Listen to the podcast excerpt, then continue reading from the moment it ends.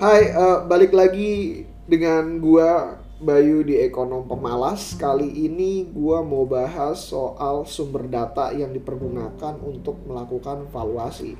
Gak semua sumber data itu sama dan lu harus tahu bagaimana sebuah sumber data itu dapat mempengaruhi uh, keputusan dari lu mengambil uh, valuasi dari sebuah perusahaan. Sorry. Uh, So, uh, gue akan bahas dua data, dua sumber data yaitu biasa yang digunakan oleh Stockbit, Barchart, dan Baltic. Barchart itu sendiri untuk call, Baltic itu untuk container. Kalau misalkan ngomongin Barchart, uh, lu harus tahu bahwa Barchart itu sebenarnya bukan transaksi dari call itu sendiri, tapi mengenai futures dari call. Nah, apa itu futures? Futures itu simpelnya adalah ada beberapa orang yang melakukan betting terhadap masa depan di mana mereka beranggapan masa depan akan jauh lebih buruk ataupun lebih baik dari masa sekarang.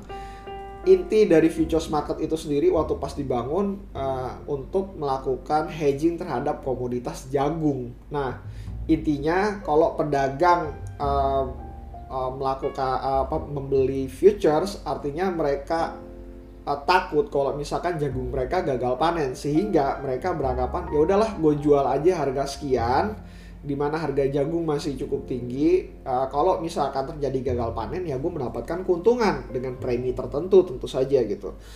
Atau untuk seorang penjual, uh, penjual pedagang itu mereka akan melakukan penjualan penjual uh, sorry membeli uh, mereka akan menjual sorry menjual futuresnya mereka bahwa oh jagung harganya akan lebih rendah sekarang kalau misalkan jagung lebih rendah sekarang uh, eh sorry di masa mendatang akan lebih rendah. Artinya kalau gue beli sekarang dan gue jual entar, itu gue akan mendapatkan selisih keuntungan ketika marketnya tersebut uh, terjadi. Dia bahkan beranggapan bahwa masa depan akan terjadi gagal panen dan harga sekarang mungkin jauh lebih baik. Artinya mereka melakukan uh, hedging terhadap transaksi mereka. Mereka melakukan menjual masa depan dan membeli masa kini. Uh, membeli masa kini dengan cara gimana? Ya pakai market biasa aja. Uh, mereka akan melakukan ijon terhadap pedagang tersebut. Oke, gue akan beli jagung lu 4 bulan lagi dengan harga sekian. Kalau misalkan uh, lu setuju, ya udah lu tanda tangan gitu. Uh, sehingga dia bisa tahu bahwa ya udah terlepas dari berapapun uh, eh, gue tahu bakal gagal panen. Kalau misalkan gagal panen ya uh, harga jagung akan turun sehingga gue bisa menjual dengan lebih tinggi. Intinya seperti itulah. Itu uh, futures market itu sebenarnya hedging terhadap masa depan terhadap kejadian masa kini. Nah uh, uh, simpelnya kayak gitu tapi kenyataannya uh, futures market itu sendiri dipakai untuk para spekulan untuk melakukan fluktuasi pasar itu sendiri lu bisa ngecek uh, di sebuah uh, tambang kayak ITMG ataupun EPTB ASP itu benar berbeda banget pergerakannya terhadap barcatnya itu sendiri. ASP atau average selling price dari sebuah coal itu bisa ter, bisa terjadi bisa jadi sorry bisa jadi tidak terimpact dari uh, uh, hedgingnya mereka gitu dari future costnya mereka uh, atau future salesnya. Jadi kalau future salesnya naik, ASP-nya mungkin nggak naik. Ketika futuresnya turun, ASP-nya mungkin nggak turun karena uh, di dunia nyata ada yang namanya kontrak dan kontrak tersebut bisa ada yang jangka panjang, jangka pendek. Yang lupa ketahui adalah bagaimana cara perusahaan tersebut melakukan mitigasi resiko. Jadi nggak semuanya langsung terimbas kepada perusahaan. Berikutnya lagi gue mau ngomongin tentang uh, Baltic Index Baltic Index ini tuh sebenarnya adalah uh, average cost dari beberapa uh, kontainer ketika hari tersebut uh, terjadi transaksi. Ketika hari tersebut uh, terjadi transaksi.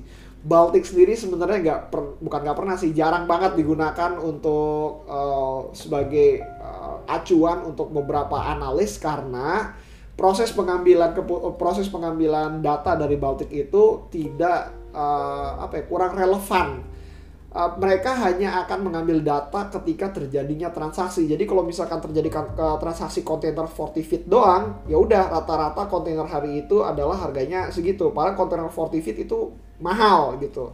Sedangkan kalau misalkan terjadi kontainernya cuma uh, 20 feet doang, ya itu kan murah. Jadi sehingga rata-ratanya akan menjadi lebih turun. Fluktuasinya benar-benar nggak uh, dijaga karena sumber pengambilan datanya seperti itu, lu mesti antisipasi kalau misalkan uh, terjadinya misalkan lockdown atau terjadinya tidak adanya transaksi atau uh, misalkan uh, uh, apa ya uh, transaksi hari itu hanya uh, 40 feet doang atau transaksi hari itu hanya terjadi 20 feet doang. Nah, lu mesti baca bagaimana proses pengambilan data tersebut di Baltic Index sendiri, Baltic uh, ya sorry Baltic Index itu sebenarnya ada dan mereka menjelaskan bagaimana proses pengambilan keputusannya itu sendiri. Jadi akan sangat salah kalau misalkan menurut gua menyalahkan misalkan untuk kontainer oh turun gara-gara Baltiknya turun. Ya hari itu mungkin uh, turun lu mesti pakai data pembanding yang lain gitu.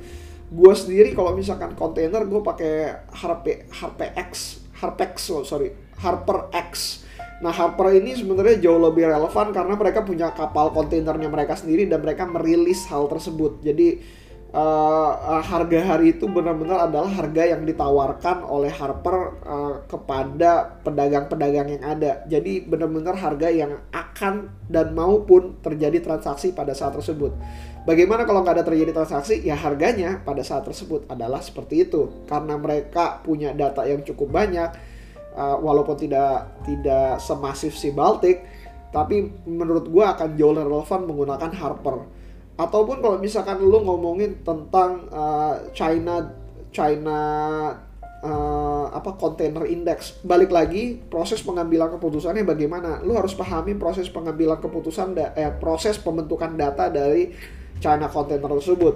Kalau nggak terjadi transaksi ya tentu aja harganya akan turun banyak. Kalau terjadi transaksi, apakah harganya akan naik banyak? Nah, kalau misalkan uh, hal tersebut misalkan China lockdown, tidak terjadi transaksi, transaksinya hanya terjadi uh, pada kontainer kecil, tentu saja harganya akan mempengaruhi hal tersebut. Kalau misalkan uh, China-nya buka, apakah harganya akan naik? Ada beranggapan bahwa naik atau enggak, tapi jauh lebih baik untuk melihat hal tersebut dari kacamata uh, industri itu sendiri. Kalau misalkan tiba-tiba uh, lockdownnya dibuka uh, dan supply dari pengiriman barang itu mulai membanjiri pasar, uh, bisa jadi harganya malah naik, bukan malah turun karena uh, supply barang uh, kurang dari uh, kemampuan dari uh, kemampuan dari kontainer itu untuk menyerap supply tersebut gitu. Nah, uh, jangan pernah menggunakan satu buah data. Pergunakan data yang lain. Jadi yang pertama, lu harus tahu bagaimana proses pengambilan data tersebut dan bagaimana imbasnya terhadap industri. Yang kedua adalah pergunakan data pembanding data pembanding bisa dapat dari mana? Ya banyak gitu. Lu mesti uh, pelajarin perusahaannya apakah perusahaannya tersebut uh, benar-benar terimbas dari uh, perubahan harganya? Atau mereka punya kontrak jangka panjang yang lebih baik dibanding apa yang apa yang terjadi di pasar? Nah itu yang kedua. Selalu gunakan data pembanding.